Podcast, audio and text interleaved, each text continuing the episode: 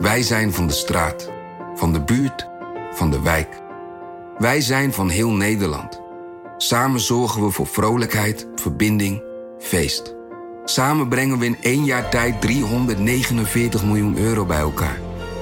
Miljoenen waarmee onze goede doelenpartners de wereld groener, gezonder en rechtvaardiger kunnen maken.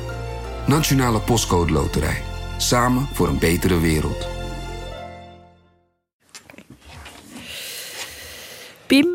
Het is vrijdag 13 maart en we zijn even teruggekomen naar de studio. Want eigenlijk hebben we gisteren Haagse Zaken al opgenomen vooraf. Maar er is een en ander gebeurd in de tussentijd. Ja, dat klopt. Op de donderdagmiddag kwam er uh, een nieuwe persconferentie van premier Rutte, minister Bruins en uh, ja, van Dissel ook van het RIVM, waarop er toch voor Nederland ook echt meer uh, maatregelen werden aangekondigd. Ja, die toch wel wat verder gingen dan wat we tot nu toe hadden gezien. De, de toon van met name premier Rutte was ook wel veranderd. Hè. Hij um, had wat kritiek gekregen dat hij op de eerdere persconferenties nog begin van de week ook, dat hij toch een beetje laconiek was. Dat hij sprak van we zijn toch zo'n nuchter landje. Maar nu was duidelijk aan hem te zien dat hij wat meer weer de, ja, de, de, de, de staatsman wilde uitstralen. Die toch ook wel waarschuwde dat het een ernstige crisis is. En nou ja, dat er echt meer nodig is nu. Er is dus in een paar dagen tijd iets gebeurd. Het heeft ook geleid tot meer en scherpere maatregelen. Kun je de belangrijkste even op rij zetten? De oproep aan wat mensen zelf kunnen doen, die is eigenlijk uh, nou ja, uitgebreid. Dus um, er wordt nu gezegd, hè, iedereen die, die ook maar een beetje last heeft van uh, neusverkoudheid of andere lichte griepverschijnselen, uh, die moet gewoon uit voorzorg thuis, thuis blijven. mensen die dat kunnen worden ook opgeroepen om, om thuis te werken. En een andere belangrijke maatregel is dat uh, alle evenementen en samen, samenkomsten waar nog meer dan 100 mensen uh, aanwezig zijn, dat die eigenlijk uh, de oproep was, joh, die moeten worden afgelast. En ook musea, concertzalen, bioscopen, plekken waar mensen met meer dan 100 samenkomen, ja, die moeten ze voorlopig sluiten. Best een vergaande maatregel. Dat heeft ook gevolg voor jezelf, hè, Pim? Want toen wij uh, donderdag uh, de aflevering uh, opnamen, leefde jij nog in de illusie dat je de Rotterdamse marathon, waar jij al weken, maanden voor traint, nog zou kunnen lopen. Maar. Ja, toen kwam echt vlak na de opname het bericht dat, dat ook die wordt afgelast. Uiteraard een evenement ook met vele duizenden deelnemers. En ja, kan voorlopig ook niet doorgaan. Dus mijn trainingskilometers zijn een beetje voor niks geweest. En nu? Hij wordt uitgesteld, dus hopelijk in het najaar opnieuw. Wat is het eerste wat je hebt gedaan toen je hiervan hoorde? Weer een biertje gedronken, want uh, ik, dat deed ik niet tijdens het trainen. Oké, okay. komend uur in Haagse Zaken meer dus over hoe maatregelen die nu getroffen zijn tot stand komen. Dit is Haagse Zaken van NRC. Mijn naam is Lemia Aharwai. Voor de hoofdingang van de Tweede Kamer staat sinds donderdag een bordje daar staat op: de Tweede Kamer is gesloten voor groepsbezoeken om verspreiding van het coronavirus te voorkomen. Dus wie vergaderingen wil volgen, die kan dat vanaf nu uh, niet meer vanaf de publieke tribune doen, maar die moet dat online gaan doen. In Nederland is de nationale crisisstructuur sinds enkele weken geactiveerd. En dat is als gevolg van die corona-uitbraak. En in deze Haagse Zaken gaan we het eens hebben over regeren in crisistijd. Over wanneer iets een crisis wordt en wat er dan op bestuurlijk niveau allemaal gebeurt welke protocollen, welke draaiboeken, welke scenario's dan in werking treden. Het is goed om te weten, we gaan het dus niet hebben over de wetenschap uh, achter het virus zelf. Dat hebben onze collega's van Onbehaarde Apen en de Vandaag podcast wel gedaan. Ik raad je aan die aflevering even terug te luisteren. We zetten de linkjes in de show notes. Vandaag bij mij aan tafel Pim van den Dol. Ja, ik kan jou inmiddels wel gewoon de corona-kenner van de Haagse redactie uh, noemen, Pim. Ja, dat klopt. Uh, ik volg natuurlijk het ministerie van Volksgezondheid. Ja. En uh, ja, de afgelopen weken is er echt maar één onderwerp waarmee ik me mee bezig heb kunnen houden. Hou je het nog een beetje vol? Jawel, nog helemaal gezond. Oké, okay. ja, ja, geen klachten. ziet er ook nog wel uh, gezond en goed uit. Hey, en ben je nu ook bij je vrienden degene die gebeld wordt met... ja, ja, ik voel me een beetje... ik, voel me, ik, ik heb een beetje branderige ogen of ik heb een kuchje. Pim, wat moet ik doen? Nou, je merkt wel dat mensen vragen hebben van... Uh, ik heb bijvoorbeeld over een paar weken, uh, even heel uh, random... maar een repetitieweekend met een muziekvereniging in Utrecht. Ja, kan dat nog doorgaan? Dat soort dingen. Kan, kunnen vrienden uit Brabant nog op bezoek komen? Dat soort vragen krijg ik wel, ja. En de marathon, hè? Want daar was ja, jij voor aan het trainen. hoop zelf mee te doen aan de marathon. En ja, ik zie erbij wel hangen, een beetje. Ja ook aanwezig. Mark Kranenburg, geheugen van de redactie, zo noem ik jou tegenwoordig maar gewoon. Ja, heel fijn, dank je. Um, en met jou gaan we um, crisis in historisch perspectief zetten? Want er zijn er nogal wat geweest. Ja, ja, ik zat, eh, er zijn nog wat, maar dit, dit is wel vrij uniek. Zelfs voor mij, eh, voor mijn doen. Dat, uh, ja. Wat, is er, wat, wat, wat valt je daar aan op? Wat anders is dan anders? Nou, het, het land raakt langzaam zeker, en ook zeker de landen om ons heen, raken langzaam zeker ontregeld. Nou, dat is een kenmerk van een crisis. En dan ga je ook maar zeggen, heb ik het nou eerder meegemaakt? Nou ja, goed. En mijn gedachten gaan dan allereerst uit naar wat ik nog zelf heb meegemaakt, de, de autoloze zondagen. Dus dat was ook een soort uh, ja, iets, iets bijzonders eigenlijk, wat van overheidswegen werd opgelegd. Zo'n bordje, bij de, de, zoals waar we net langs liepen bij de deur van de Tweede Kamer. Dus dat, dat, dat, dat groepsbezoeken en bezoeken überhaupt aan de Tweede Kamer eigenlijk voor onbepaalde tijd eventjes uh, gecanceld uh, zijn. Heb je dat wel eens meegemaakt? nee, nee, dat kan ik me niet, niet echt, echt herinneren. Ja, behalve dat als er een calamiteit is, ja, dat, er iets op de tribune, dat, dat, ja. dat, maar dat, dat het echt, nee, dat, dat kan ik me niet herinneren. We gaan even beginnen bij het begin, namelijk bij de vraag: wanneer spreek je eigenlijk van een crisis? Is dat dan een officiële staat waarin het land zich moet bevinden? Is er iemand die dat dan moet uitspreken? Hoe werkt dat, Mark? Ja, nou ja, dat, dat, dat is vrij essentieel wat je direct noemt. Want op het moment dat je van een crisis spreekt, is het ook een crisis. Precies. Dus dat is al een afweging. En dat heb je eigenlijk al gezien de afgelopen weken hier in Nederland. Het is heel, je hoort het nu, ja, wordt er niet veel te laconiek gereageerd en niet veel te laat. Maar ja, dat is nou de eerste afweging die je moet maken als bestuurder. Om te zeggen, ja, eh, op het moment dat ik zeg er is een crisis, dan ga je de crisis ook aanwakkeren. Dus dat heb je heel sterk gemerkt, bijvoorbeeld bij onze premier, Rutte. Die, die toch van in de eerste fase enorm ja, heeft gedownplayed. Toen was er natuurlijk ook wel sprake van, uh, gaat dit de, de, economie raken? En hij zei, nee, maar de economie kan een stootje hebben. Ja, als je het andersom zegt, hè, dan denk je, oh jee, oh jee, uh, we gaan de aandelen verkopen en zo. En weet ik wat. En dan, dan krijg je een soort kettingreactie. Maar het komt er dus op neer dat er op bestuurlijk niveau bepaald moet worden, er is nu sprake van een crisissituatie. Ja, en die is er dus. Dan, dan zie je dus allemaal mechanismen gaan er in werking treden. Hè, dat, uh, en dan gaan er commissies. En dan zie je ook uh, dat vind ik wel fascinerend hoe georganiseerd we eigenlijk zijn. Uh, we, Nederland, maar dat zie je ook in de landen om ons heen. Uh, dat daar dus, dus, allemaal draaiboeken voor klaar liggen. Ja. dus dat al die mensen zeggen, ja, wat doen toch al die ambtenaren? Nou, die zijn onder andere, afgelopen jaar doen ze hier hier zijn ze mee bezig. Ja. En, en, daarvoor zijn dus ook al die oefeningen die er vaak worden gehouden. Eerst eventjes terug naar wie beslist dat het een crisis is. Is dat in dit geval Bruno Bruins, minister van Medische Zorg? Of is dat de minister-president? Wie, wie, wie, wie, wie beslist dat? Dat het, ja, gewoon wat ik zei, er is niet een definitie van een crisis. Hè, maar er, er, is dus een, eh, een commissie, de, de nationale. De, je hebt de commissie, de Nationale Coördinator Terrorismebestrijding, NCTV. Dat is die, speelt een belangrijke rol in dit, dit soort zaken. Maar we, uh, er wordt op een gegeven moment wordt de nationale crisisstructuur geactiveerd dat is een besluit wat uh, een aantal ministers moet nemen. Mm -hmm. En, en, een belangrijke rol is daar ook voor de minister van Justitie weggelegd. Maar natuurlijk ook de premier speelt daar een rol in. Ja, minister van Justitie en Veiligheid is de coördinerend minister in zo'n geval. Juist. Die heeft ook de regie voor het versterken van de nationale veiligheid. Ja. En dan is de NCTV, die geeft daar invulling aan. Dus hij is leidend, de NCTV vult in. Ja. Maar je hebt ook... En de NCTV heeft ook dus heel, heel, heel primair... We hebben, hebben een crisiscentrum dus, het, uh, dus je hebt de infrastructuur ook. Dat, uh, dat is altijd is dat uh, enigszins bemand voor als er maar ergens iets gebeurt in het land. Maar, dus daar kan men ook bijeenkomen. Ja, en dan he hebben ministeries zelf ook nog allerlei coördinatiecentrums per departement, hè, waarin wordt gekeken naar wat betekent deze ja, crisis. Dus dat hangt van waar het Het is nu volksgezondheid, maar ja, dat kan natuurlijk ook uh, een dijk doorbraken of iets. Hè. Dan, dan komt, komt een andere departement in de lied. Dan is er nog het Nationaal Handboek Crisisbesluitvorming. En dat is het, zeg maar, de Bijbel in deze donkere dagen. Daar vindt men het licht. Want dat, dat is zeg maar waar alle bevoegdheden, verantwoordelijkheden, kerntaken, dat ligt daar allemaal in besloten. Hè? Ja, en dan zijn er nog, uh, nog, nog, twee commissies. En één commissie, die, uh, die zoals het heet, is dan op ministerieel niveau.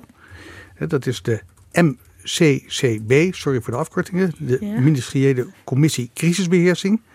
En die wordt voorgezeten door de minister van Justitie en Veiligheid. En dan hebben we nog op ambtelijk niveau, en dat is de Interdepartementale Commissie Crisisbeheersing. ICCB. En uh, die wordt voorgezeten door, we noemen dat eerder de NCTV. Nationaal Coördinator Terrorismebestrijding. Ja. En uh, nou, die adviseert dus die ministers die in die commissie zitten. En die kan ook zo nu dan zelf besluiten nemen. Als het over uit, pure uitvoeringszaken gaat, dan zijn ze zelf ook aan de lead. Ja, en Pim, in, in het geval van corona worden er experts bijgehaald, hè? Uh, ja, zeker. Dus uh, nu schuiven natuurlijk de, de, mensen van het RIVM bijvoorbeeld aan, die echt verstand hebben van infectie, ziektebestrijding. En uiteraard minister Bruins, die zit, nu het over corona gaat, zit hij natuurlijk ook uh, in dat ministeriële team. Ja, dat is een soort van team afhankelijk van de crisis in, in, in welke beleidsterreinen die crisis raakt. Oké, okay, ja. duidelijk. Daarnaast nog even goed om te noemen dat je ook nog een nationaal kernteam crisiscommunicatie dat, hebt. Dat is niet onbelangrijk in deze zaak. Ja. Hè? Want juist, om, dit is natuurlijk een hele kwestie die, die mensen raakt. Hè? Iedereen heeft daar vragen over. En iedereen uh, kan ook direct uh, in zijn omgeving of bijna in zijn omgeving mensen roepen die uh, noemen die daarmee in aanraking zijn geweest. Dus het, het, leeft enorm onder de bevolking. Dus dan is communicatie ontzettend belangrijk. Ja. Dus het... het viel me al op dat er vrij snel zo'n nummer werd geopend. 0800. Weet iemand de rest? Ik weet hem niet uit mijn hoofd. Pim, dit had ik van jou toch wel verwacht. Ja, ik, ik ga hem even ik ging ook opzoeken. Pim, uh, ja. En welk nummer kun je dan bellen? Actuele informatie. 0800 1351. Dat is hem. Oké, okay, maar dat nummer werd dus vrij snel in het leven geroepen. Met het idee van bel maar als je vragen hebt. Ja. Ja, en ook dat moet je proberen centraal te regelen. Want tegelijkertijd zie je, met, met, met deze crisis wordt er ook weer gezegd, bel niet direct met de huisarts. Hè? Dat, de, de, als je, want ja, die, die mensen daar, die raken, die lijnen waren, worden overbelast. Dus dat, dat moet je ook, ook weer niet hebben. Dus ja, je moet enige richting hebben in, in de communicatie. Wat je wel zag al de afgelopen weken is dat de overheid eigenlijk op een hele traditionele manier inderdaad communiceert richting mensen. Dus bijvoorbeeld inderdaad door een telefoonnummer te openen, door uh, natuurlijk de website van de Rijksoverheid en van het RIVM steeds wel non-stop te updaten. Maar er was toch ook wel een soort roep, ook in de Tweede Kamer, om, om toch ja, om nog wat meer te doen. Dus om wat proactiever uh, namens de overheid te communiceren. Dus er werd bijvoorbeeld gedacht aan, kan uh, minister Bruins of premier Rutte niet iedere dag een korte persconferentie geven, gewoon om de bevolking bij te praten? Kunnen we niet meer met social media doen? Weet je wel, uh, de, het lijkt wel eens of die crisisstructuur of communicatie soms ook nog een beetje achterloopt bij de, ja, bij de moderne tijd en hoe ja. mensen nu communiceren. Maar nou ja, het kabinet vond het bijvoorbeeld niet nodig om iedere dag de bevolking bij te praten. Dat vonden ze niet effectief. Nou ja, nee, maar de, en dat wordt wel over gediscussieerd. Dat heeft natuurlijk ook weer te maken met het idee van ja, je moet, je moet de crisis ook niet verergeren. Nee, dat, natuurlijk. met het idee van geen paniek zaaien. Geen paniek zaaien, precies. Het, eh, Nee, in ieder geval is crisis.nl, daar kwam ik ook eh, nu pas eigenlijk achter dat die website bestaat, waar dan alle crisissen in Nederland op staan. En waar dus ook wat handelingsperspectieven staan. Nou ja, inmiddels eh, kan iedereen ze wel dromen, hè? Eh, geen handen geven, je handen steeds wassen, dat soort dingen. Eh hoesten in je elleboog. Mis ik er nu nog één? Oh ja, geen, alleen, alleen papieren zakdoekjes. Dat, die Ah, ja. heb ik ook heel vaak voorbij horen komen. Nou, hebben we dat stukje service ook meteen. alsjeblieft. hebben we dat meteen ook gedaan. Postbus 51 is dit eigenlijk. Oké, naast dat Nationaal Kernteam Crisiscommunicatie, ik noem hem toch nog eventjes het Landelijk Operationeel Coördinatiecentrum. Dat bestaat dan uit de politie, brandweer, geneeskundige hulpverleningsorganisaties in de regio. En eh, die zorgen dan voor een geïntegreerde benadering voor degene die eh, de crisisbeheersing eh, eh, moeten uitvoeren. Want eh, Mark, jij zei net al ook eventjes, dat vind ik nog wel interessant. eh, het kabinet oefent één keer in de zoveel tijd. Dus een soort brandalarm, maar dan met een, eh, met een eh, Ja, ramp. dus dat, is- dat is ook interessant. Ik kan me herinneren van een paar, jaar geleden. Toen kregen we ook een, een, officieel persbericht. Dat op een, een donderdagmiddag zouden alle ministers paraat zijn. En dan was er weer een crisisoefening. En dat ging zelfs zover dus dat eh, ook de Tweede Kamer werd verzocht om eh, voor die dag eh, geen, voor die middag geen vergaderingen te plannen. Want dan zouden daar ministers of staatssecretaris aanwezig moeten zijn. En dat was nou juist niet de bedoeling, want die moesten meedoen aan de oefening. En wel, wat, dan krijgen ze te horen van, de, er is een, ehm, weet ik veel, cyberaanval Ja, gebeurd. een of, eh, cyberaanval is, dat, dat was in dit geval was het een cyberaanval. En het aardige, ik heb wel zo'n zo'n crisisoefening ook zelf meegemaakt. Dat was niet voor ministers, maar voor, voor ambtenaren. En het aardige is dan dat ze dan ook gedurende, hè, er is dus een ramp. Hè, en eh, dan gedurende die oefening komen er nieuwe elementen bij. Hè, dus de ramp verergert. En dus daar, dat, dat- hoe ze daar dan op reageren. Hè, dat, en dat, dat is waarschijnlijk bij die cyberoefening ook geweest. Hè. Dan zijn ontweringen in het buitenland. Of, en, en dan is er weer een, verrassing daar. En, Maar ze ja, precies, ze schalen dus ook op op, tijdens zo'n ja, oefening. ja, van, het is nog erger. ja, ja. En uh, daar komen ook uh, evaluaties uit? Ja, ja, ja. Zijn wordt, die terug te lezen ergens? Zeker, ja, ja, dat wordt naar de Tweede Kamer gestuurd. Ja, ja. ja, Kwamen ze er, een beetje goed uit? Meestal, ja, ja, ja. Meestal is mensen bij elk onderzoek de communicatie kan verbeterd worden. ja, oké.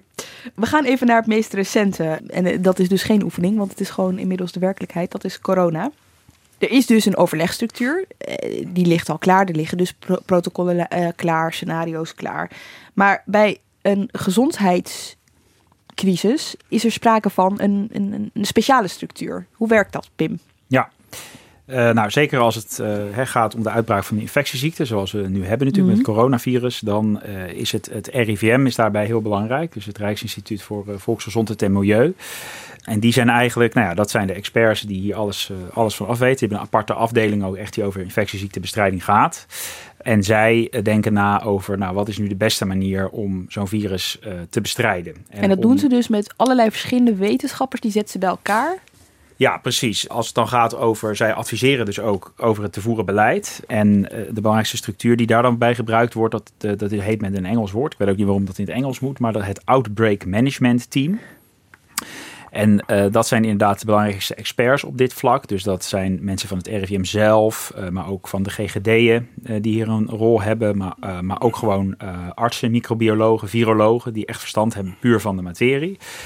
Die schuiven daar aan en die denken na over: oké, wat is nu het beste beleid dat we moeten voeren? En die adviseren daarover aan de overheid, zowel landelijk als regionale overheden. Is dat bindend? Nee, dat is niet bindend. Dus uh, alleen, kijk, het kabinet en minister Bruins en premier Rutte, die hebben wel heel, heel de tijd gezegd tot nu toe in deze coronacrisis van wij leunen sterk op de adviezen van de experts. Die vinden wij belangrijk, die willen wij eigenlijk volgen. Maar de politiek is niet verplicht om de adviezen over te nemen. Die kunnen zelf besluiten en ook afwijkende besluiten nemen. Oké, en het gaat in dit geval dus om een virusinfectie uh, in het geval van corona. En dan zijn er verschillende fases die weer samenhangen met beleid. Hè? Hoe werkt dat precies? Ja, klopt. Er zijn eigenlijk uh, drie belangrijke fases in die virusbestrijding. En de eerste fase, die is ook heel vaak voorbijgekomen al. Uh, premier Rutte had het daar ook vaak over. Die zegt, ja, we blijven indammen. We, we willen proberen het virus in te dammen. Nou, wat houdt dat nu in? Dat betekent dat je dus dat je probeert om de manier waarop het virus zich verspreidt zo goed mogelijk in beeld te houden. Met als doel om het de kop in te drukken. Dus gewoon te zorgen dat het echt uh, zo snel als mogelijk verdwijnt uit de maatschappij. Daar waren nu in het begin ook veel maatregelen op gericht. Dus het uh, identificeren zeg maar, van wie besmet zijn en specifiek op die personen maatregelen nemen. Zoals hè, uh, quarantaine. Dus uh, oké, okay, jij bent besmet. Nou, dan ga je, kan je vaak nog wel thuis. Dat lukt als je geen hele ernstige klachten hebt. Maar blijf dan thuis. Mm -hmm. heb geen contact meer met anderen. Uh, beperkt dat zoveel mogelijk. En de, de, de GGD'en die gaan dan weer uitzoeken met wie heb jij allemaal contact gehad sinds je besmet bent. Dat is dat contactonderzoek ja, en die mensen moeten dan misschien ook in quarantaine. Maar dat is dus allemaal op persoonsniveau uh, het virus bestrijden. Nou, dat, dat uh, kun je natuurlijk alleen maar volhouden zolang er ook genoeg capaciteit is, bijvoorbeeld bij de GGD, om die contactonderzoeken te doen. Dus de vraag is, zeker nu het aantal besmettingen in Nederland snel blijft stijgen, hoe lang je uh, die fase kan volhouden. We zitten er nu nog in, hè? We zitten daar nog in. En het is even uh, goed om daarbij te vermelden dat het nu donderdag 12 eh, maart is en dat het 12 uur s middags is. Het kan natuurlijk altijd zo zijn dat er later deze week alsnog een andere uh, keuze wordt gemaakt. Ja, ja, ja, het is soms ook wel moeilijk aan te geven wanneer die ene fase precies in die andere fase overneemt. Maar ja, kenmerkend voor dat indammen is dus dat je, dat je ook zicht, dat de instanties zicht houden op hoe het virus zich precies hm. verspreidt en dat allemaal nog kunnen herleiden. Wat wel belangrijk is om te vertellen is dat in Noord-Brabant uh, sinds afgelopen week zijn er dus hele sterke aanwijzingen dat, en dat maakt de, de, de virusbestrijding mogelijk ook anders, dat het uh, virus zich hier al echt onder de bevolking verspreidt. Wat betekent dat nou? Uh, hiervoor waren dus eigenlijk alle besmettingen in Nederland nog te herleiden aan bepaalde risicogebieden. Dus mensen die in Noord-Italië waren geweest, die, mensen die contact hebben gehad met, met mensen die daar geweest waren. Maar in, in Brabant eh, is nu sterk het vermoeden dat daar eh, circulatie onder de bevolking is. Dus dat het daar zich, zichzelf, het virus zichzelf aan het verspreiden is. Dus dat je het niet meer terug kan voeren naar mensen die vanuit Italië nee, komen. Precies, die... uh, precies. En dat heeft weer gevolgen voor ehm, het beleid wat je erop gaat voeren. Want als je het zicht en eh, als je dan het zicht kwijtraakt op hoe het virus zich precies verspreidt, als het in Nederland onder de bevolking gaat verspreiden, kun je dat niet. Dan op een gegeven moment raak je dat, raakt dat uit het zicht.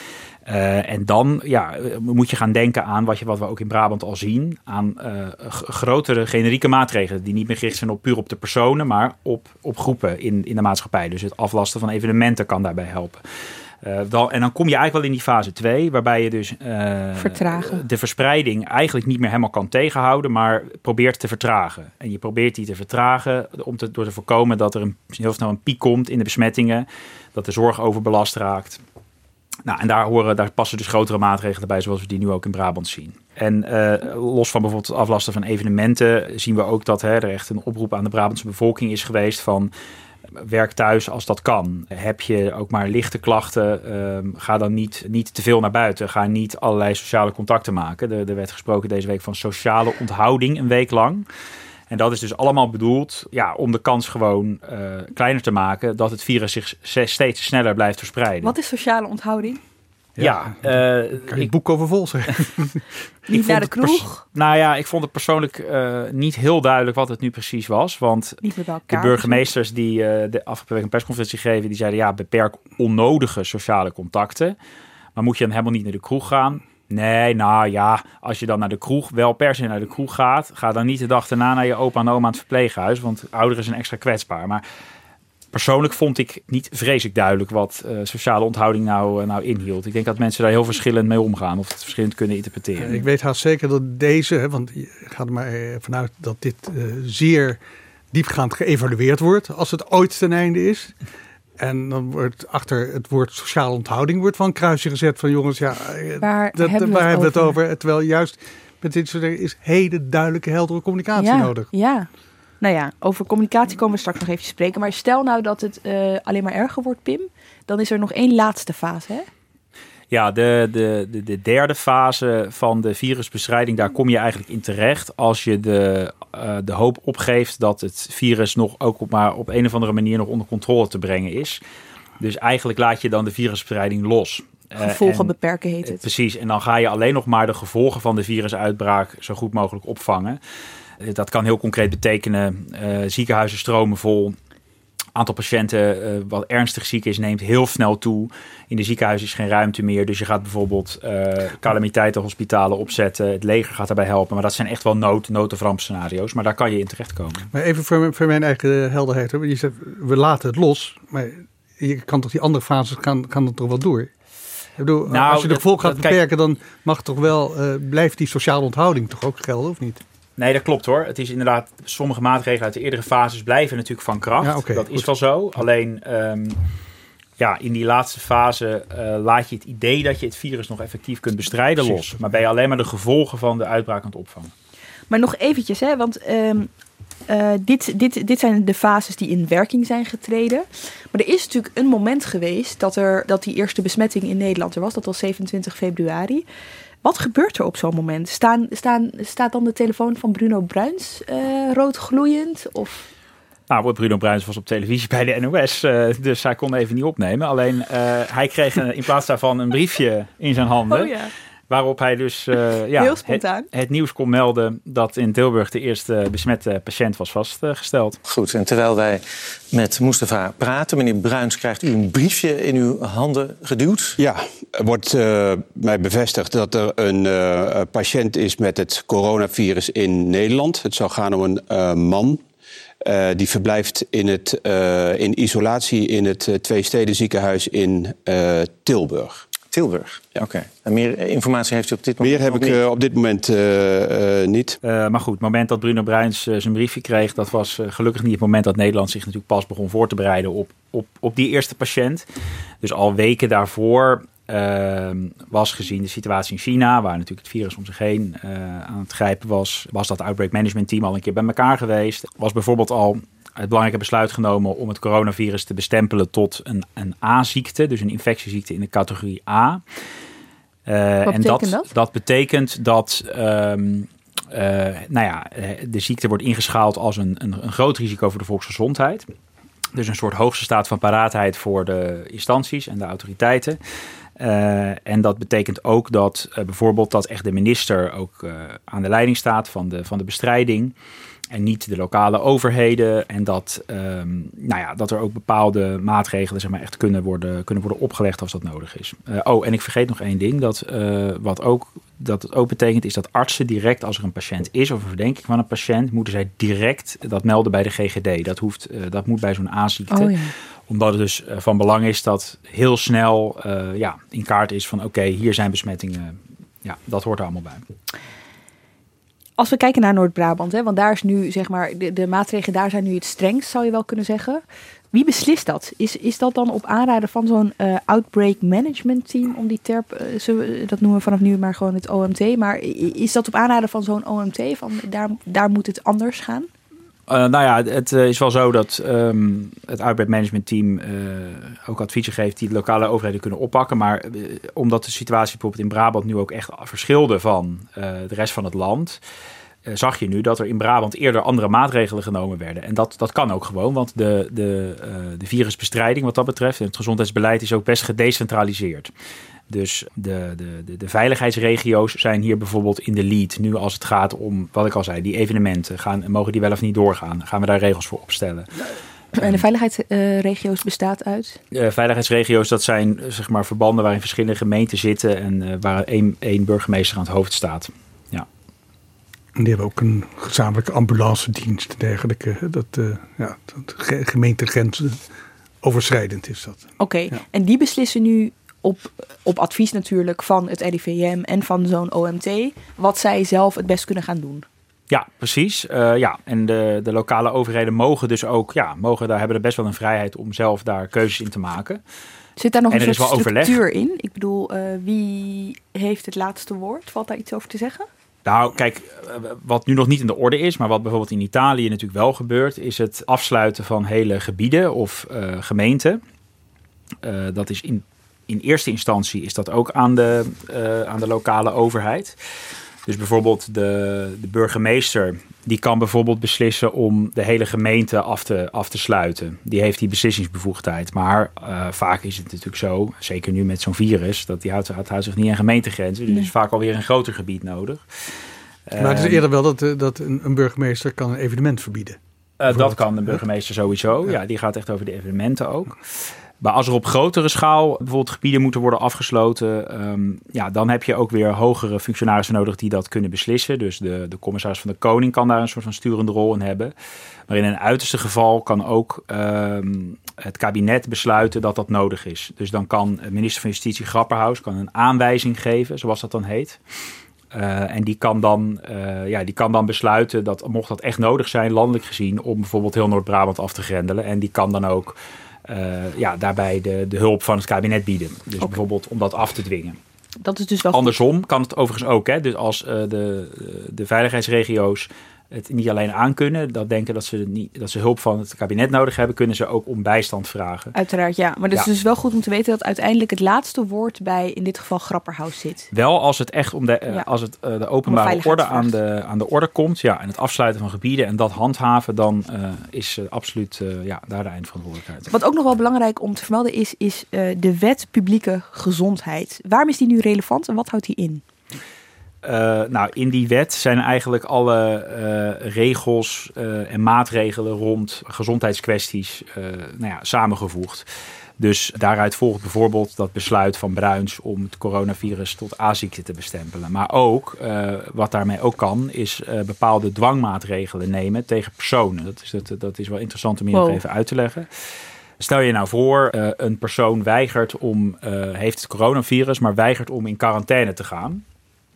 Dus die, die blijft niet thuis, maar die uh, gaat gewoon lekker feesten. Dat is natuurlijk een probleem dan voor de volksgezondheid. Ja. Uh, en dan uh, kan zo'n persoon worden gedwongen om bijvoorbeeld in quarantaine te gaan of in isolatie. Dus nou ja, worden opgesloten in een uiterst geval als die echt niet wil meewerken. best ver, hè?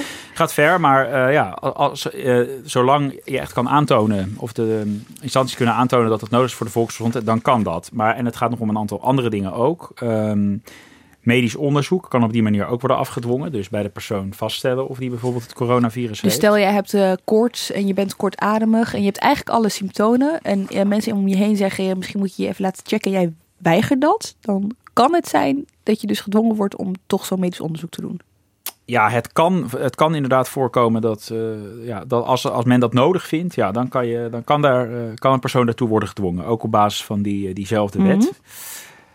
En uh, wat ook met die wet kan, is een, wat ook wel interessant is, dat een persoon een verbod op de beroepsoefening, uitoefening krijgt opgelegd. Dus stel je voor dat, even een voorbeeld wat vaak voorbij komt, is een bakker die een eenmanszaak heeft. Die krijgt het coronavirus, maar die is volledig afhankelijk van open gaan en werken voor zijn Mhm. inkomsten.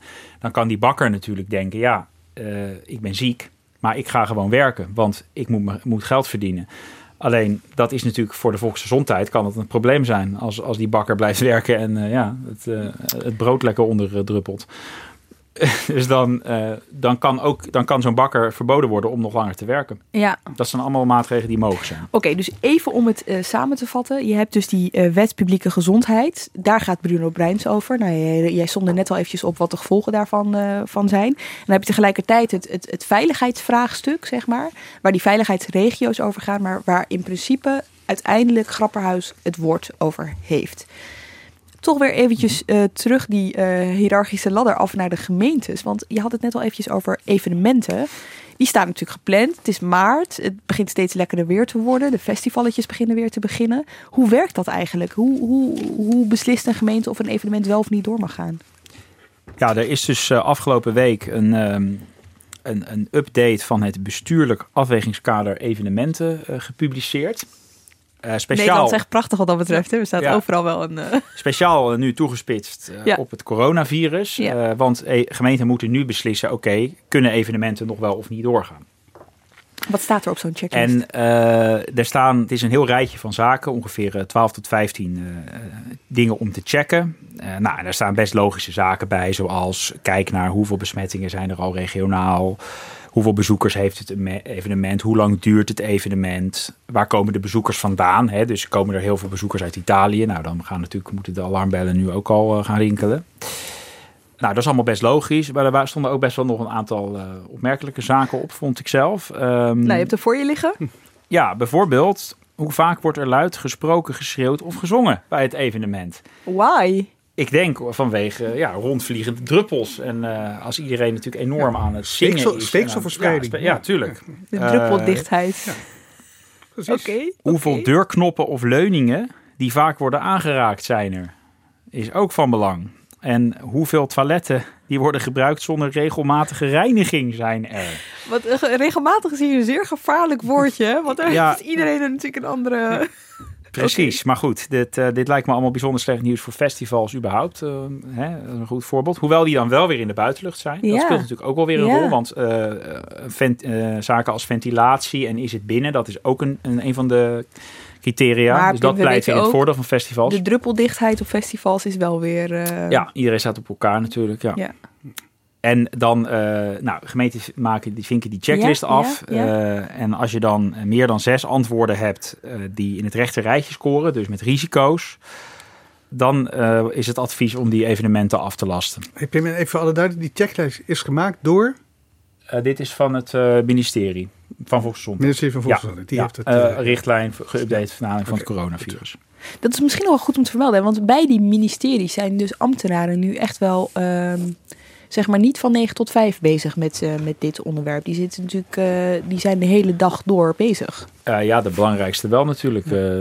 Denk alleen al aan de RIVM-baas ja, van Dissel. En, maar ook, ja, dat geldt natuurlijk ook voor, me- voor minister Bruins en zijn topambtenaren op het ministerie. Iedere ochtend is een corona-overleg op VWS. Daar beginnen ze de dag mee met de belangrijkste mensen aan tafel.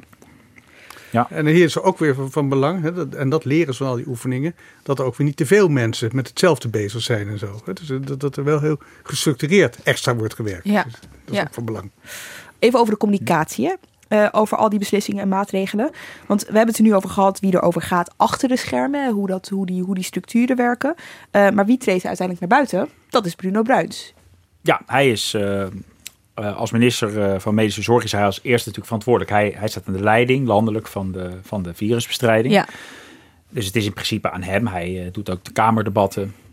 Jij Hier zit zie je dus ook de structuur van Nederland. Hè? Dus eh, wij hebben niet een president of zo. Dus, dus dit is de eerste taak van de het departement van nou, nu volksgezondheid, dus de minister treedt er buiten. Ja, en ehm, jij bent bij die persconferenties, uh, Pim, uh, geweest tot nu toe. Wat, wat valt je op? Op de eerste grote persconferentie bij het RIVM over het coronavirus zat Bruno Bruins uh, ook aan tafel en nam als eerste het woord. En dat ging niet al te soepel. De andere vier zijn mensen in Delft, Gorkum, Koevoorde en Tilburg.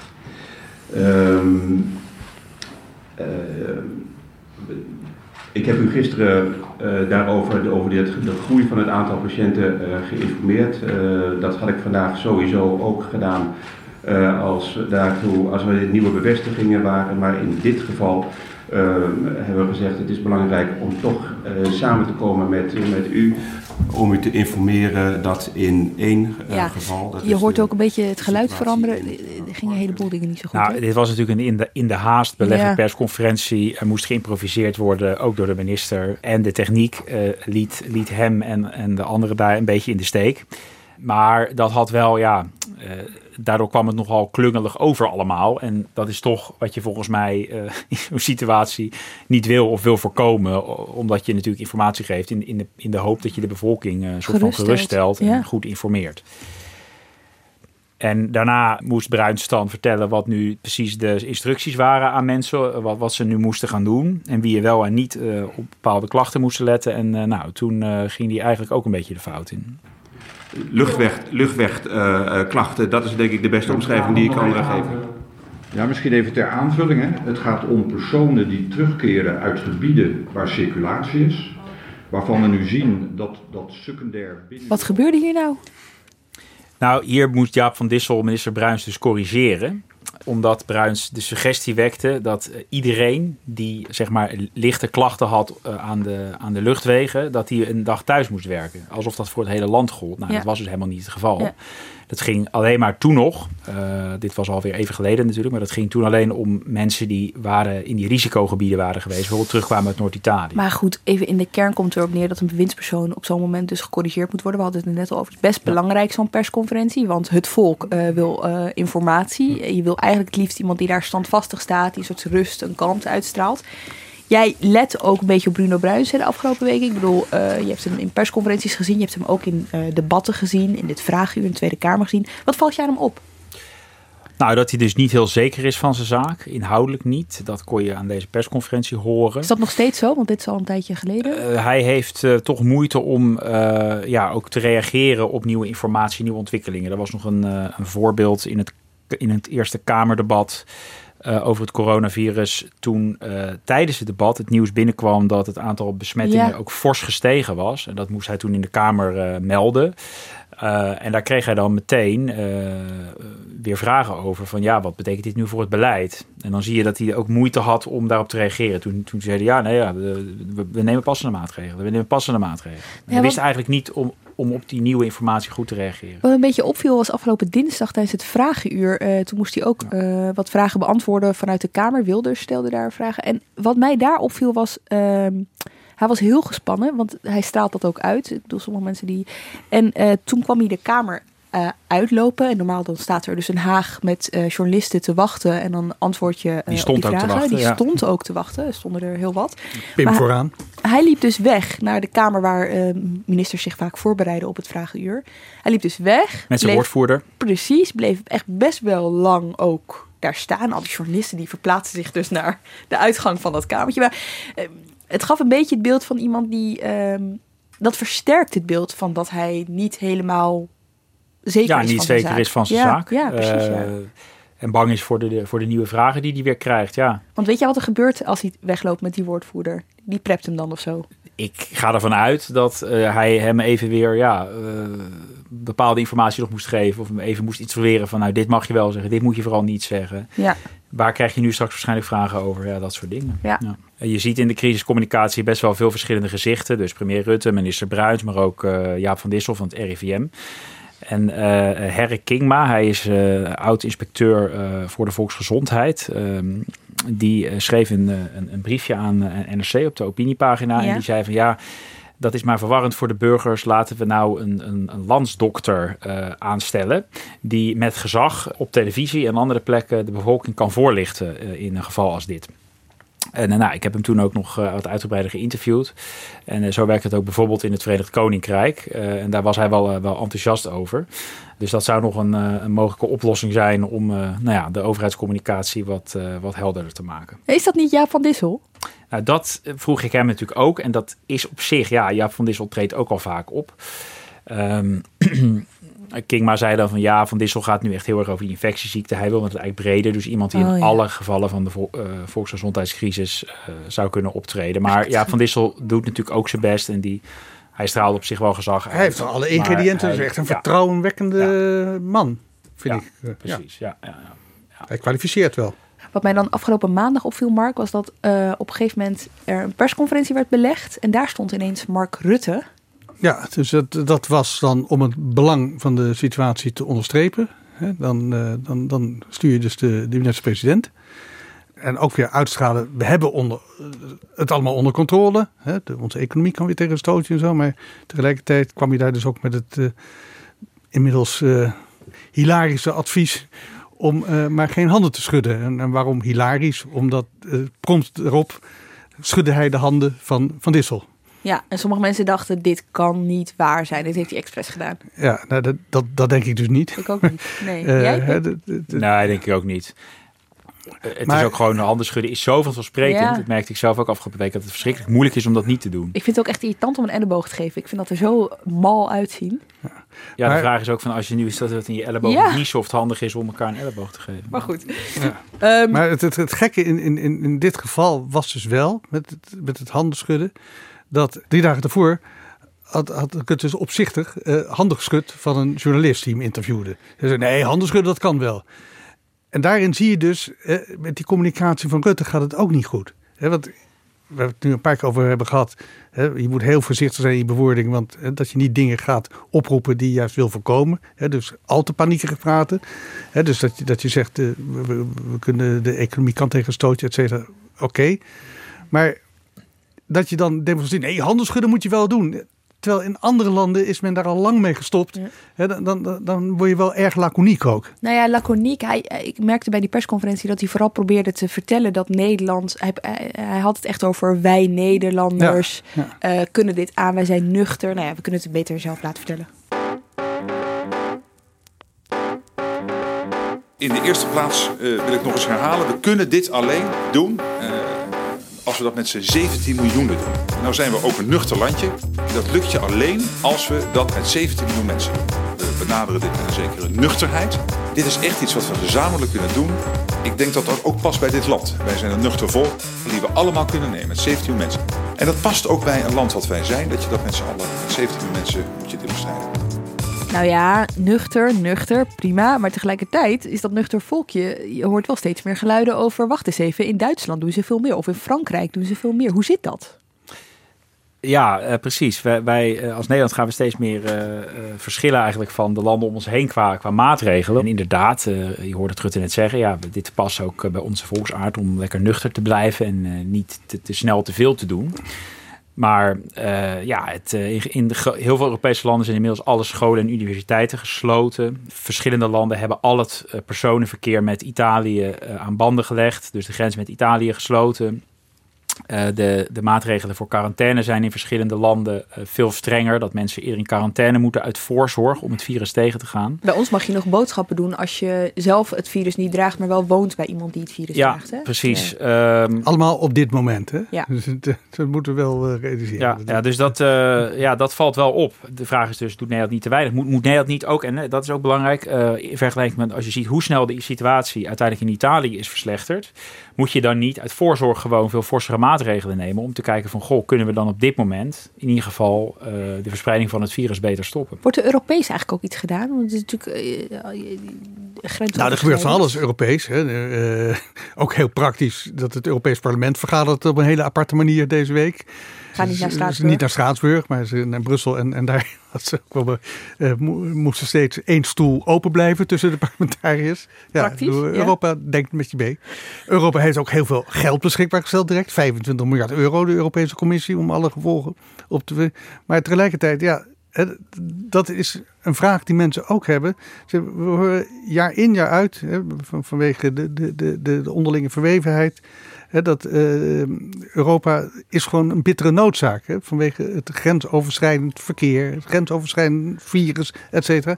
En wat gebeurt er nu uit Europa? Eigenlijk heel weinig. Nu, ieder land mag het voor, voor zich oplossen. Nou, wordt van Europa ook wel gezegd, ja, het is eenheid in verscheidenheid. Maar die verscheidenheid valt nu wel heel erg op. En zeker de verscheidenheid van Nederland. Pim? Nou, het is natuurlijk heel gek inderdaad, zo op het eerste gezicht, dat uh, bij zo'n grensoverschrijdend probleem nu als corona, dat iedere lidstaat zijn eigen uh, maatregelen neemt.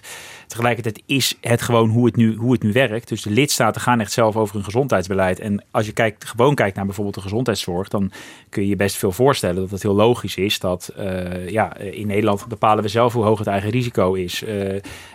He, allemaal van dat soort dingen, die, die mogen landen, willen landen graag zelf bepalen. Maar op, als het om dan bestrijden van zo'n infectieziekte gaat, blijkt dat dat natuurlijk in de praktijk misschien wel niet zo handig is.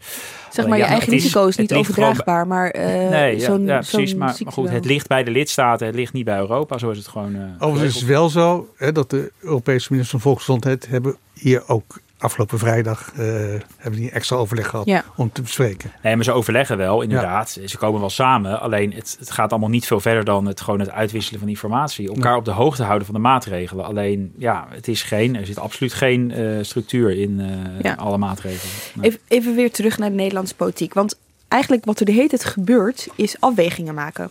Uh, het is best wel een dunne balk waar je als bestuurder op dit moment natuurlijk overheen moet lopen. Aan de ene kant wil je niet te veel mensen schrik aanjagen. Aan de andere kant uh, wil je ook weer niet het te veel wegnuanceren. Want je hoort, ik hoor hier ook weer aan tafel meteen van uh, er wordt een beetje laconiek gedaan door Rutte. Is dat wel slim? Dat lijkt me nou een onmogelijke balk om overheen te lopen. Nou ja, precies. Kijk, uh, los van je wil niet te veel paniek zaaien, is het ook zo dat je natuurlijk uh, in het beleid met veel meer toch rekening moet houden dan alleen maar de zo, zo uh, effectief mogelijke bestrijding van het, van het virus. Ja. Omdat die forse maatregelen die in andere landen wel worden genomen, natuurlijk grote gevolgen hebben voor bijvoorbeeld de economie, maar ook de samenleving. Uh, dus als uh, mensen niet meer naar de winkel kunnen en als mensen niet meer op st de straat op mogen en niet meer elkaar mogen opzoeken, dan uh, ja, de maatschappij gaat letterlijk een soort van op slot. En, en dat je heeft economische gevolgen? Dat heeft economische schade, precies. En je wil dat ook niet zomaar doen en ook niet te vroeg doen. Dus dat geeft wel, kijk, de, de, de, dilemma's voor beleidsmakers zijn gewoon heel groot. Het is ook, het is niet echt makkelijk om, om, om hierover ja, de goede beslissing te nemen. Plus, um, hè, er is geen pasklare oplossing. Plus dat je ook een heleboel dingen met de wijsheid achteraf kan beschouwen. Hè? Want stel dat het in Italië niet zo uit de hand was gelopen, dan waren we nu ook minder streng ja. voor Rutte geweest, bij wijze van spreken. Hè? Het is natuurlijk allemaal ja. wel door de ontwikkeling als zodanig. Dat, ja. uh, maar nou, bij dat beeld van jou, Lemja, te blijven met die, uh, die, die, die, die dunne balk, die dunne lijn, dat, dat geldt natuurlijk in de kern voor een politicus, hè, wat, wat wil een politicus? Nou ja, dat heeft hij alle, allemaal idealen, kan hij noemen, maar ja, die wil ook herverkozen worden. En als je die balk nog, hè, dit is een heel dun lijntje tussen op het erepodium gaan staan, hè, of terechtkomen, omdat je, je hebt het fantastisch opgelost. Of aan de andere kant in het ravijn storten. Ja. Dat je er een puinhoop van hebt gemaakt. Het is een bepalend iets. Ja, en dat weet je niet. Dat, en dat, is, uh, ja, dat, is, dat is wel heel interessant en dit komt zien. natuurlijk, hè, de- deze crisis is natuurlijk uit niets gekomen. Dus dit komt ook politiek natuurlijk gewoon heel ongelegen, zoiets als dit. We zitten een klein jaar voor de verkiezingen. En ja, inderdaad, voor Rutte, Bruins, eh, andere politici staat er nu best veel op het spel. Ja. Hoe gaat het kabinet hiermee om? Hoe gaan ze dit afhandelen? Ja, en het is iets waar ze totaal niet echt op berekend waren. eh, en wat nu opeens een groot issue is geworden. En dan is er ook de Eh, interessante vraag. nog over stikstof. Ja, precies. En, en interessant, in hoeverre mag je dit ook politiek opspelen, die vraag. Hè? Dat, uh... Nou ja, dat zag je natuurlijk tijdens het vragenuurtje afgelopen week, om daar weer op terug te komen, al eventjes gebeuren. De vragen kwamen van Wilders. Laat even luisteren. Waarom neemt het kabinet niet meer gerichte maatregelen? Waarom zijn alle vluchten uit landen met grote virusbrandhaarden niet meteen verboden? Waarom worden er überhaupt nog mensen uit die landen toegelaten in Nederland? Waarom worden grote evenementen niet afgelast? Worden er niet meer mensen getest? Denkt het kabinet echt dat dit virus is in te dammen met papieren zakdoekjes en een oproep tot niet meer handen schudden? Hoe naïef kan je zijn? En voorzitter, zijn we wel goed genoeg voorbereid of was het voor het geval dat het nog erger wordt?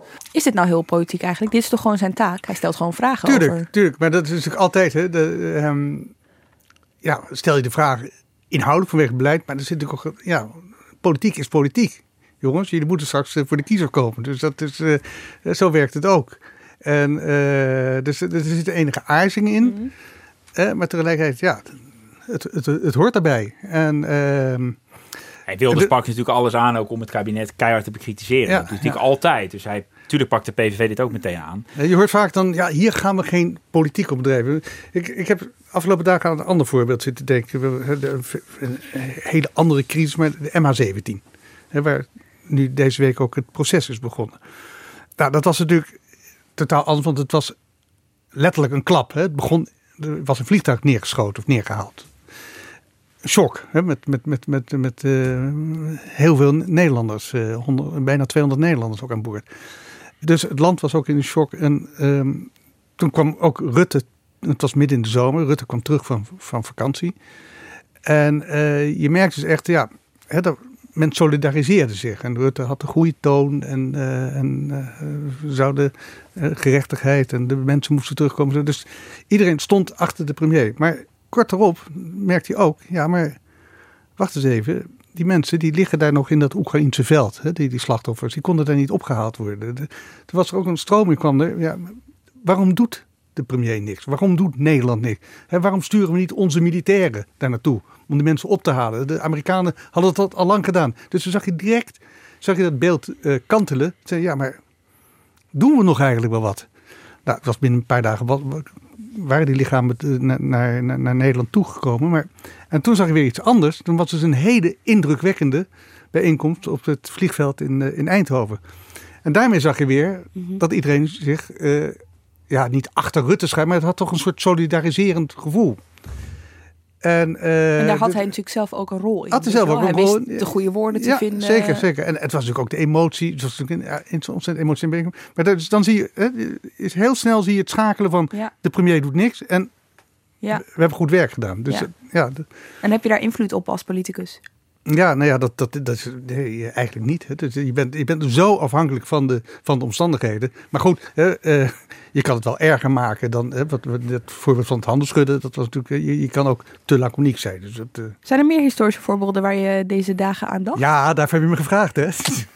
Nee, kijk, het voorbeeld, of het voorbeeld, maar is, uh, dat, dan, dat zie je in allerlei boeken staan. Dat is onze premier Colijn. Ja. Wie kent hem niet? Nou, zullen we eens even luisteren? Het is beter dat men later getuigen moet dat de regering wel heel erg voorzichtig is geweest, dan dat haar met hogere kans ook later verweten zou kunnen worden dat ze gedut had in een tijd dat waakzaamheid plicht was. Ik verzoek de luisteraars dan ook om wanneer ze straks hun legersteden opzoeken, even rustig te gaan slapen als ze dat ook andere nachten doen. Nou, deze uitspraak van Colijn is dus de geschiedenis ingegaan als uh, gaat u nu maar rustig slapen. En vervolgens wordt ook heel vaak verkeerd in, in, in, in de jaren geplaatst. Men denkt dan dat het vlak voor de oorlog was in 1940. Maar het was al in 1936 toen Duitse troepen aan het mobiliseren waren.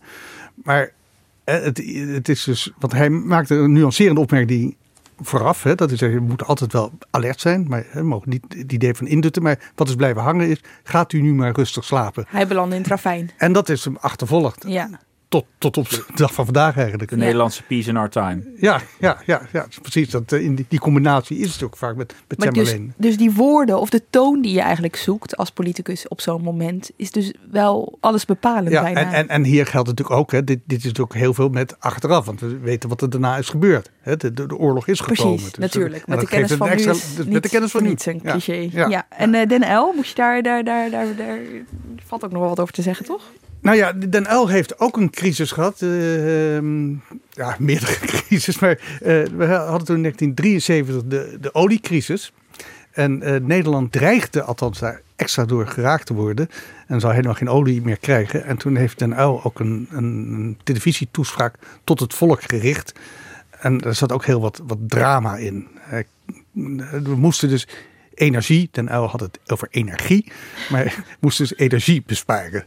En, eh, nou, dat was een, eh, een toets- toespraak die je nou, ook vaak nog wel terugziet. Ik wees er al op dat de crisis van vandaag, dat energietekort waarmee we te maken hebben, schoksgewijs tot uitdrukking brengt dat energietekort dat er eigenlijk al was in de hele wereld. We moeten beseffen met elkaar dat we niet kunnen voortgaan met het verbruik van beperkte voorraden brandstoffen en grondstoffen zoals we dat in de laatste kwart eeuw hebben gedaan. Zo bezien keert de wereld van voor de oliecrisis niet terug. Dus dat was Den Uyl. En diezelfde Den Uyl heeft, dit was in 73, heeft in 77 ook een crisis meegemaakt. Ja, niet alleen Den Uyl, maar eh, dat was in, in, in mei 1977. Er zouden verkiezingen gehouden worden, werden ook gehouden. Maar tegelijkertijd was er de befaamde treinkaping bij de punt. Ja. En, eh, eh, en er was dus überhaupt, want er werden talloze Nederlanders eh, gegijzeld daar. Of de verkiezingen wel door zouden moeten gaan. Dat is toen gezegd, nee, we laten eh, de democratie eh, gaan, we niet kapot laten maken door eh, een stelletje terroristen. Dus die gingen hoe dan ook door. En eh, die kaping een paar weken later beëindigd. Maar bij die verkiezingen, dat is interessant, ehm, maakte de Partij van de Arbeid van Den Uyl, die was toen premier, een enorme winst kregen ze. Wel tien zetels winst. En dat is voor die tijd was dat gigantisch. Ja. En toen is er achteraf, kijk, het verkiezingsonderzoek was nog niet zo specifiek als het nu is. Maar er zijn talloze analyses gemaakt. Ze, ja, dat had ook mee te maken dat het land was in crisis. Hè?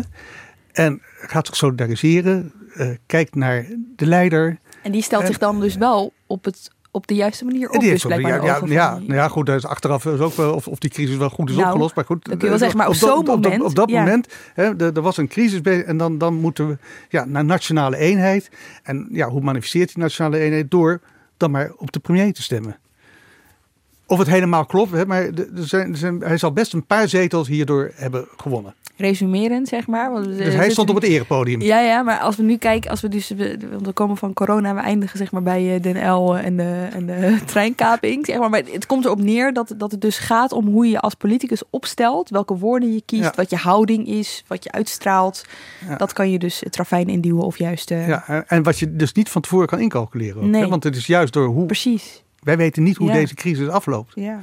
En eh, dus dat, dat kan. Voor nu Rutte kan het heel hard raken, of juist niet. Even terug eh, naar het heden. Ehm, ik eh, begon al eventjes over het bordje dat bij de ingang van de Tweede Kamer staat, waarin staat groepsbezoeken zijn eventjes niet mogelijk in de Tweede Kamer. Op een gegeven moment zal dit ook de Tweede Kamer zelf gaan raken. Dus niet alleen de bezoekers, maar ook de inwoners ervan. Ik zag eh, afgelopen week al wat eh, foto's van de fractievergadering van de VVD bijvoorbeeld, waar de fractievoorzitter Klaas Dijkhoff en nog wat Kamerleden die uit Brabant komen vanuit een videoverbinding inbelden de vraag is toch wel een beetje van, hoe, lang, hoe lang is dit nog houdbaar, weet je wel? Er komen meer, meer Kamerleden uit Brabant. Ja, natuurlijk. Maar dat hangt er heel veel ik denk, af van hoe, hoe het virus zich verder zal verspreiden. Kijk, eh, ik neem aan dat de Tweede Kamer zo lang als mogelijk, als dat gewoon kan en verantwoord is, zal doorvergaderen. Al is het maar om, eh hè, dat is het werd in de VS deze week ook gezegd. Ik geloof dat Nancy Pelosi zei van ja, wij gaan als laatste naar huis. Hè, politici hebben toch eh, het idee van ja, wij moeten een soort van eh, toch nog achterblijven en aan het werk blijven Ja. om aan de bevolking te Dat is laten ook een hele belangrijke wij, wij tijd. raken niet Ja. in hè, De wij raken kapiteins op het schip. Ja. Ja, precies. Ja. Maar het moet natuurlijk wel mogelijk zijn. Hè? Want als je. En ik zelf ook had. Want ik, ik kan mezelf niet herinneren dat dit, dit, dit ooit zo heeft voorgedaan of dreigt voor te doen. Hè, dat het kan natuurlijk een moment ontstaan dat als iedereen in quarantaine of allerlei provincie quarantaine, dat er Kamerleden niet meer hier naartoe kunnen komen naar Den Haag. Dus wat, wat doe je dan? Ja, we hebben allemaal regels. Er moet een quorum zijn. Je kan paren aan het begin als het niet al te veel ah, mensen zijn. Ja, precies. Hè? Dat dus houdt dus in dat je iemand zoekt in de Kamer. En dat je dan je stemgedrag aan elkaar ja. wegsteept van elkaar, zeg maar. Weet je wel? Ja, een soort gentleman's agreement is dat. Ja, ja. ja. dat, dat, dat, dat, kan. Maar dat kan op het moment dat er gewoon te weinig Kamerleden zijn. Ja, wat, wat, wat, wat doe je dan? Wat is het quorum, weet je? Ja, dat is uh, de helft plus één. Dus voor de Tweede Kamer is dat uh, 76. En voor de Eerste Kamer is dat 38. Nou, zover is het nog niet. Nog niet, zeg nee. ik in ieder geval op donderdag dus nog niet. We weten nog niet hoe het er op zaterdag uh, uitziet. Tot die tijd vergadert de Kamer in ieder geval nog wel eventjes uh, door. Pim, jij houdt het allemaal voor ons in de gaten. Uh, wie nou na deze podcast meer van jouw stukken wil lezen hierover, waar kan hij heen? Uh, dan kun je surfen naar nrc.nl slash dossier slash coronavirus. En daar blijf je helemaal op de hoogte. Oké, okay, dank jullie wel. Pim van den Dol en Mark Kranenburg. Dank ook voor het luisteren. Productie en redactie van deze aflevering waren in handen van Iris Verhulstonk. Abonneer je op Haagse Zaken, dan verschijnen we volgende week gewoon als vanzelf in je podcastfeed. Ik zou zeggen, tot dan. Je hebt aardig wat vermogen opgebouwd. En daar zit je dan, met je ton op de bank. Wel een beetje saai, hè? Wil jij, als belegger, onderdeel zijn van het verleden of van de toekomst? Bridgefund is een slimme fintech die een brug slaat tussen de financiële behoeften van ondernemers en van beleggers. Dus wie belegt bij Bridgefund krijgt niet alleen een mooie vaste rente, maar brengt ook ondernemers in beweging. Echt waar, met die ton kan je zoveel betere dingen doen. Bridgefund. Make money smile.